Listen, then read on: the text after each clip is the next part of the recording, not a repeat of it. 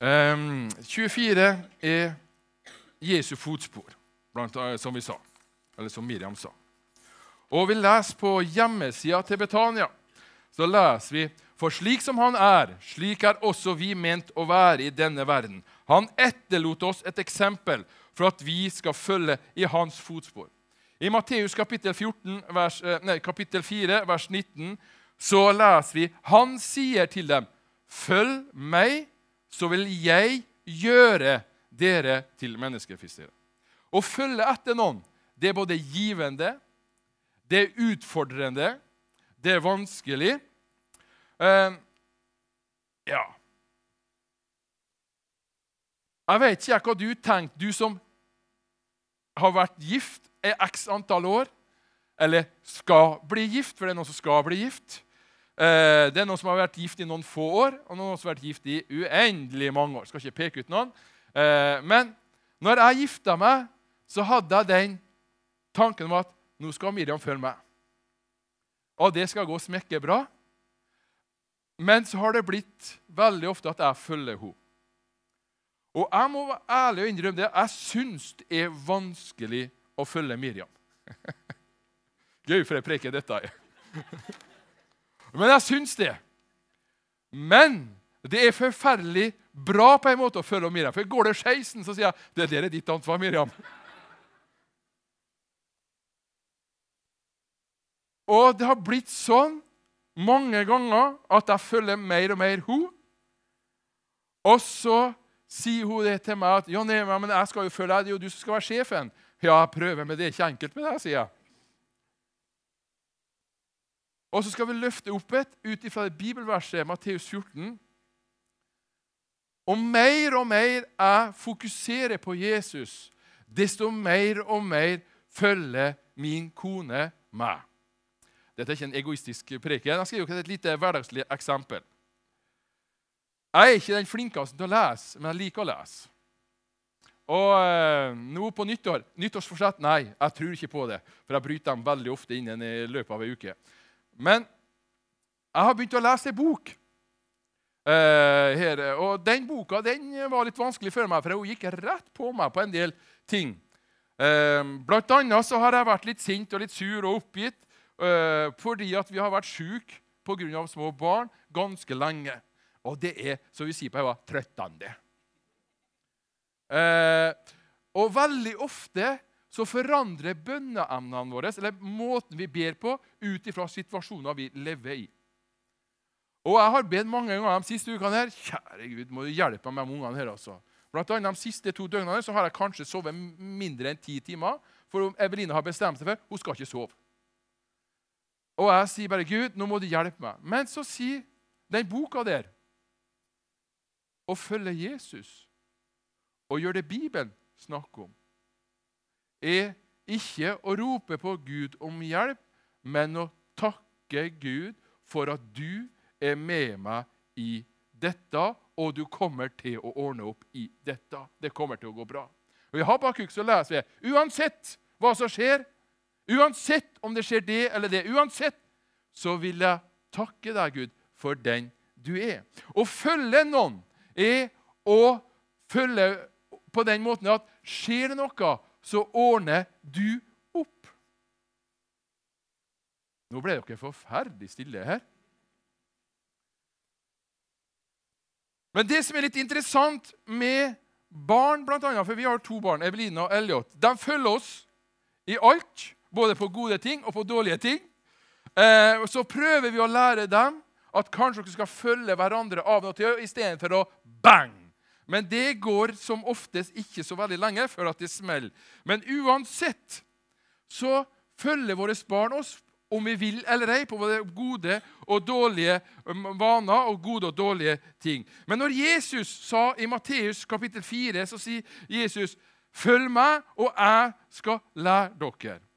Og Det første jeg skal si her, er at å følge noen det er ikke alltid enkelt fordi vi vet best sjøl.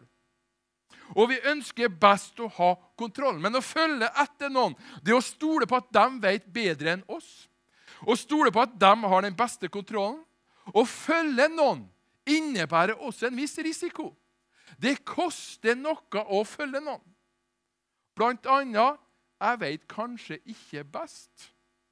Men vedkommende som går foran meg, vet kanskje det bedre. Jeg velger å stole på at det kommer til å gå bra. Å følge noen innebærer en viss risiko, en del konsekvenser. Og I åpenbaringa kapittel 6, vers 9-11, der disse versene har en overskrift 'Ropet fra martyrene'. Og Hvis du ikke vet hva en martyr er, så er det en som døde for noe, noe som han trodde på. Og Her leser vi en bibelvers, kanskje litt merkelig, syns du, men ta med poenget mitt her. Da han åpnet det femte seilet, så jeg sjelene til dem som var blitt drept for Guds ords skyld, og på grunn av det vitnesbyrdet som de holdt fast på. De var under alteret, og de ropte med høye stemmer. Hvor lenge, Herre, du som er hellig og sann, vil du vente før du dømmer dem som bor på jorden, og straffer dem som drepte oss? Videre. Poenget er ikke å si at i dag kommer du til å dø for du tror på Jesus. Det er ikke det jeg sier. Men jeg ønsker å ta frem dette bibelverset. For noen ganger så koster det noe av oss å følge noen. Jeg nevnte allerede innledningsvis at kanskje det har med at jeg må gi opp kontrollen. Og jeg er ikke en person som elsker å gi kontroll til noen andre. Jeg ønsker å ha kontrollen sjøl, for jeg vet best sjøl. Og hvis det skjer noe, så skal jeg sjøl ordne opp. Men det er noe som jeg ikke klarer å ordne opp i. Og da har vi dette, denne, denne dimensjonen som troende. Er det noe som er umulig, så kan han komme til å ordne opp hva det nå måtte være. Eh, Jesus skal aldri skjule på det å følge etter Jesus. Å tro på Jesus og stå for Guds ord i dag i 2024, stå for det evige livet, det koster. Å stå for det Bibelen snakker om, det koster. Det ser vi når vi leser nyhetene. Det ser vi om eh, Israels oppi det som skjer nedi der. Det leser vi om hvis vi tenker på det med ekteskap og alt dette.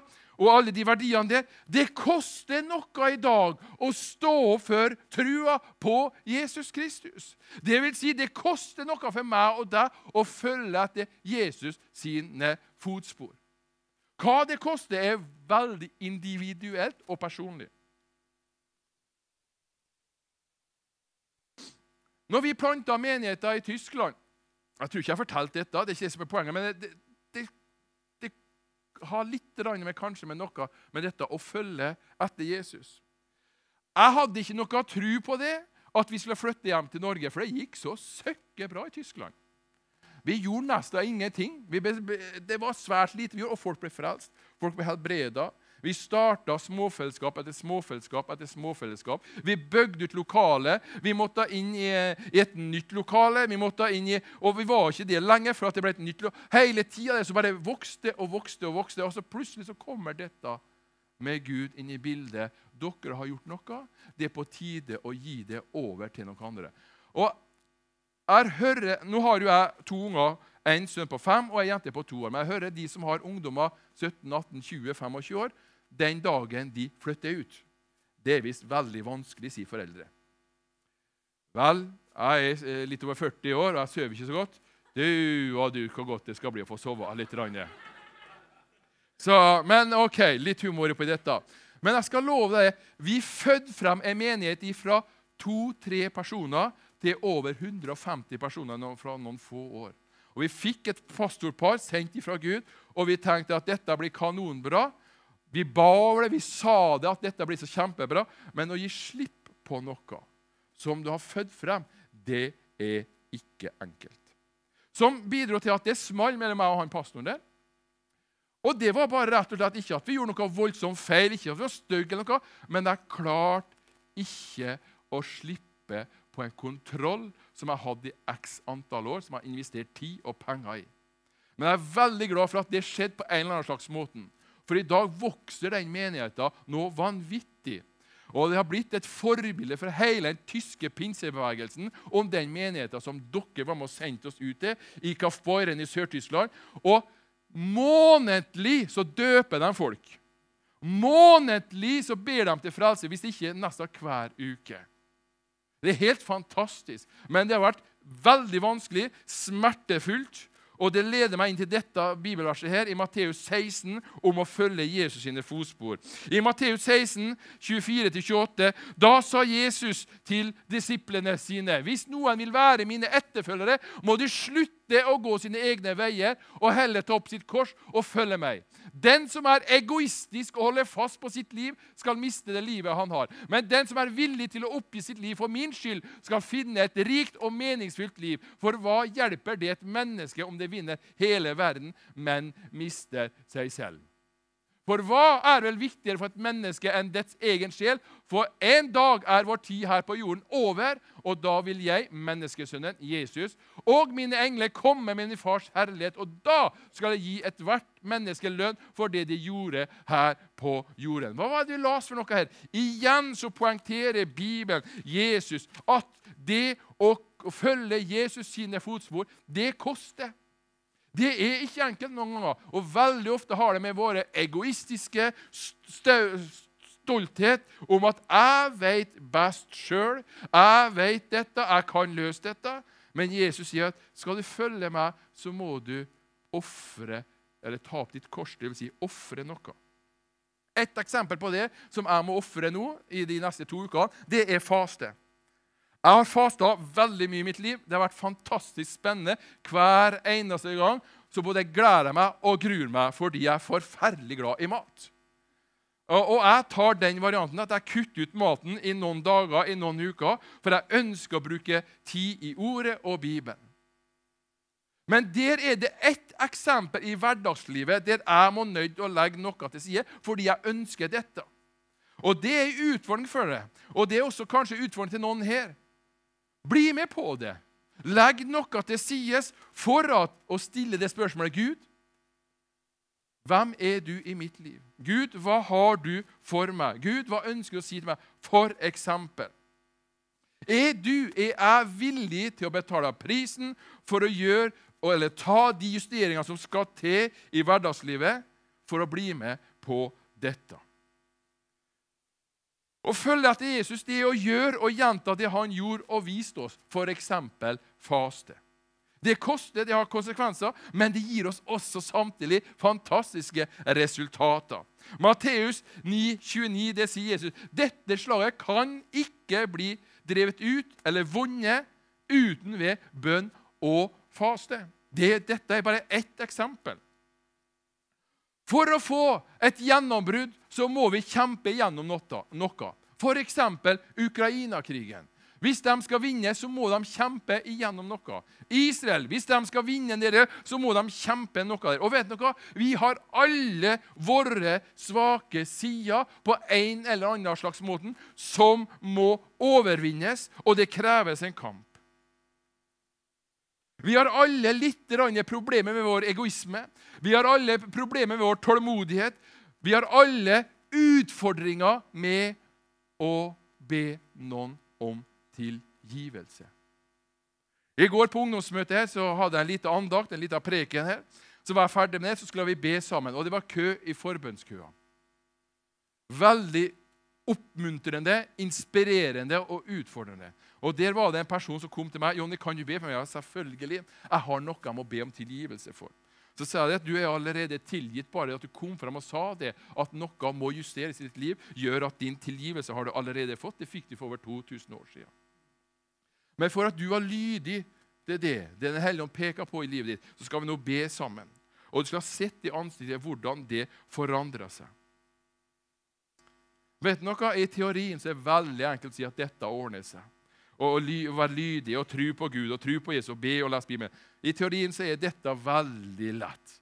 Men i praksis, i hverdagen, der du har én, to, tre, fem, seks unger Noen stopper jo aldri å få unger. Men i alle fall, det er noen utfordringer der i hverdagen. Jobben, press, vi skal ha mer penger, vi skal ha bedre resultater, vi skal ha mer verdier, vi skal kjøpe mer firma. Ingenting av dette er feil, men i den hverdagslige presset der så er det alltid utfordringer til å finne der vi ønsker å følge og gjøre det Jesus gjorde når han gikk foran oss. Jeg sa det i Matteus 4, 19. Jesus sier, 'Følg meg, så vil jeg gjøre dere til menneskefiskere'. Følg Jesus har noen konsekvenser, en pris, men vanvittig gode resultater. Det andre Jesus sier, at 'følg meg, jeg skal gjøre det'. Med andre ord, Vi skal egentlig bare gjenta det Jesus gjorde, og visste oss hvordan vi skal gjøre det. Vi skal med andre ord ikke finne opp hjulet på nytt. Det er allerede oppfunnet. Så egentlig det jeg sier nå, det er ikke noe nytt. Vi har Visjonssøndag, og da tenker man å, hva slags gode nyheter kommer pastor Petters med? Det gamle og det gode evangeliet Jesus Kristus, som er allerede ferdig. Så det var ikke mye nytt. Men det å repetere og gjenta og praktisere det Guds ord og Bibelen allerede ber oss om å gjenta og praktisere, nemlig følg etter Jesus i hans sine fotspor. Vi kan sammenligne med oppå Mydland her, så leser jeg her på bygda, for du som ikke er fra bygda her, så er det veldig populært å gå på ski på vinteren. Jeg har ikke peiling om det er snø oppå der, jeg er ingen skiperson, men der er det noen som har kjørt opp løypa fordi at det skal være enkelt for deg å gå på ski. Men det er ikke noe argument for meg å gå på ski uansett. Men holder du deg til sporet, og holder du deg der, så går det som oftest veldig bra. Nå skal ikke vi ta en eh, utleggelse av hvordan jeg går på ski, for jeg har gått noen på ski. Jeg er mer på baken enn på skiene. Men uansett, poenget er dette. Når vi holder oss til sporet som allerede har blitt lagt opp, så går det som oftest mye bedre, og vi trenger å bruke svært lite krefter. Altså, vi skal gjøre det samme det Jesus gjorde. Vi skal praktisere det Bibelen, Guds ord, forteller oss.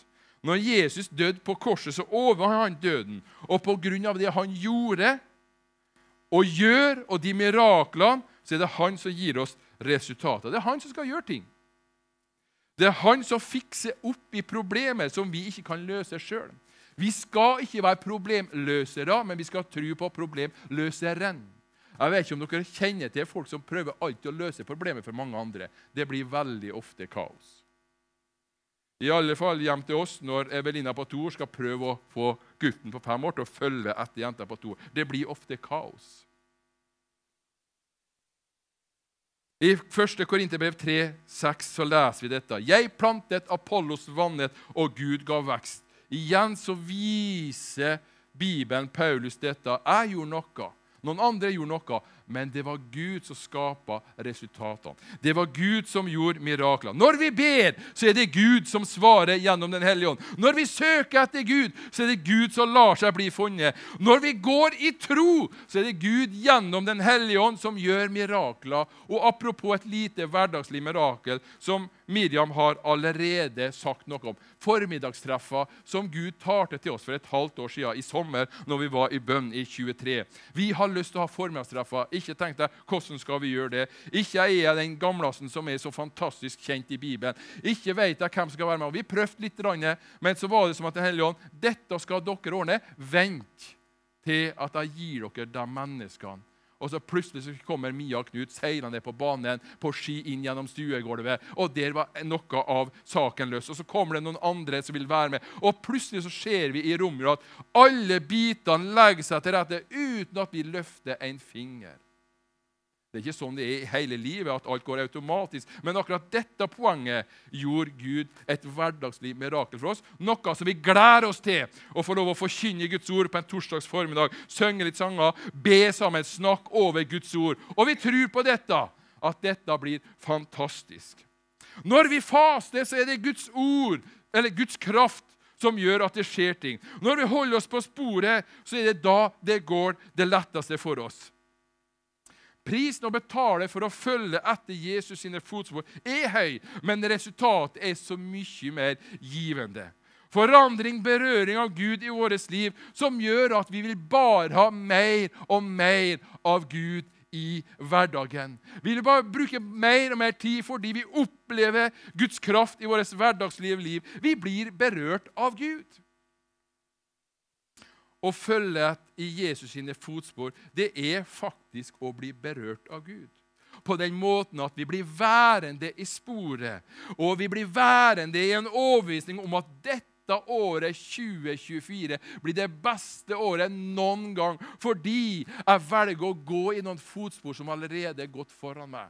Og jeg skal bare følge dem og jeg skal bare repetere det Jesus gjorde for meg. 2023 er lagt foran meg, og 2024 blir et fantastisk mye bedre år. Fordi Jesus sine ord i min hverdag skal prege meg mer og mer. Fordi jeg velger og, og tro på at Jesus, dette ordner du opp i. Jesus, når jeg søker deg, så tar det du til meg. Jesus, når jeg leser Bibelen, så tar det Guds ord til meg. Jesus, når jeg mer, eller bruker mer og mer tid igjen og igjen og igjen, så vil jeg ligne mer og mer på deg, Jesus. Noe som igjen vil påvirke andre til å følge etter Jesus sine fotspor i hverdagen. Som igjen gjør at mine barn vil fortsette å følge etter Jesus' sine fotspor når de blir eldre. Vi tror på det at 2024 skal bli prega av at Jesus sine fotspor får lov å sette preg på mitt liv og på ditt liv. Det er at jeg går etter noen som jeg stoler på, har kontrollen når kanskje retninga tar ei retning som tenker Hm, var dette så lurt? Fordi at jeg forstår ikke og ser ikke hele bildet. Men når jeg velger å stole på Han som går foran meg, så går det veldig mye bedre. Og det er en utfordring for meg, for jeg liker gjerne å ha kontroll. Jeg liker gjerne å ha kontroll på Miriam, men det er kjøla vanskelig. Men når jeg leste den boka i går kveld, så fikk Nå skal jeg ikke gå så langt, for da blir jo folk litt eh, redd her. Men da fikk jeg en klem i går kveld, så sier Miriam det. Vet du noe, Jonny? Jeg er veldig glad i deg. For jeg ser at du ønsker å ta til deg noe i hverdagen som er en utfordring for deg. Og nettopp den boka leser, den leser fordi at jeg har noen utfordringer i hverdagen. Og da sier kona rett før å legge seg jeg vil følge etter deg, Jonny. Så tenkte jeg Jøss, jeg skal lese flere bøker fremover. Men poenget her er litt som jeg las også i Bibelen her. Vi har ikke lyst til å gå våre egne veier. Egoisme. Jeg vet best. Du har alltid feil. Jeg går mine egne veier. Jeg snur på ordet akkurat det som passer meg, slik jeg kan rettferdiggjøre meg sjøl. Nei, La oss velge å tro og betale den prisen det koster å følge Jesus, selv om det koster 24. Ikke vær redd for å stå opp. Ikke vær redd for å gå i tru. Og Jeg ble satt på et valg i dag under lovsangen. Skulle jeg si det jeg skulle si om de to damene der? Fantastiske, vakre damer der. Var det å gå for langt? Var det å peke ut noen få, så sitter noen andre der? Hvorfor peker du ikke på meg, Jonny? Jeg tror ikke jeg tenkte veldig ofte sjøl når jeg sitter på møter rundt. Pek på meg, profet. Så jeg får et oppmuntringsord. Ja, du har hele boka før deg. Bare begynn å lese den, så får du oppmuntring. La 24 bli et år prega av at du blir prega av Jesus sine fotspor.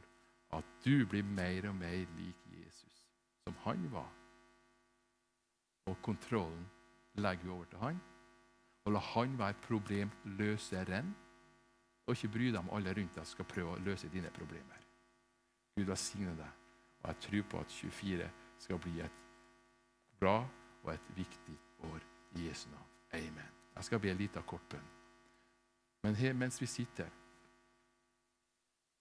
Så kanskje ut ifra det jeg sa, så peker Den hellige ånd på noe i ditt liv. Vi skal ha nadvær, og vi skal ha forbønn.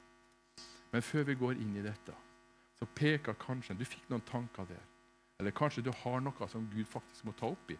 Din egoisme, din stolthet til å gå din egen vei. Jeg vet ikke. Eller noe annet. Du vil at Gud skal berøre. Mens vi har våre øyne lukka, så ønsker jeg bare å se hånd opp, så skal jeg be kort bønn nå før vi går videre. Om det jeg tar til. Er det et eller annet som jeg preker om, som tar til livet det du ønsker at Gud skal ta kontroll over, det Gud skal ta et oppgjør over, så ønsker jeg at du skal lukke, rekke opp hånda di. Akkurat nå så skal jeg be kort, liten bønn. Takk skal du ha for hånda di. Takk skal for hånda di. Takk skal for hånda di. Er det flere hender? Takk skal dere ha for hendene deres. Er det flere hender? Takk skal for hånda di. Takk skal for hånda di. Takk skal for hånda. Å, kjære Jesus. Far i himmelen, jeg bare takker deg, Hellige Ånd.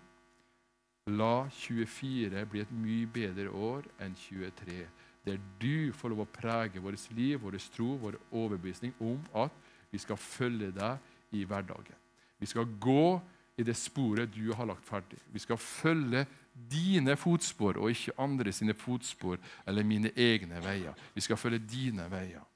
Og Jeg bare ber Herre at vi ikke skal gå verken til høyre eller til venstre og bli frista av det, men vi skal holde oss til det sporet som du har lagt foran oss, nemlig å tru og stå på og bli påvirka av Guds sønn Jesus Kristus, vår Herre og Frelser, i Jesu Kristi navn.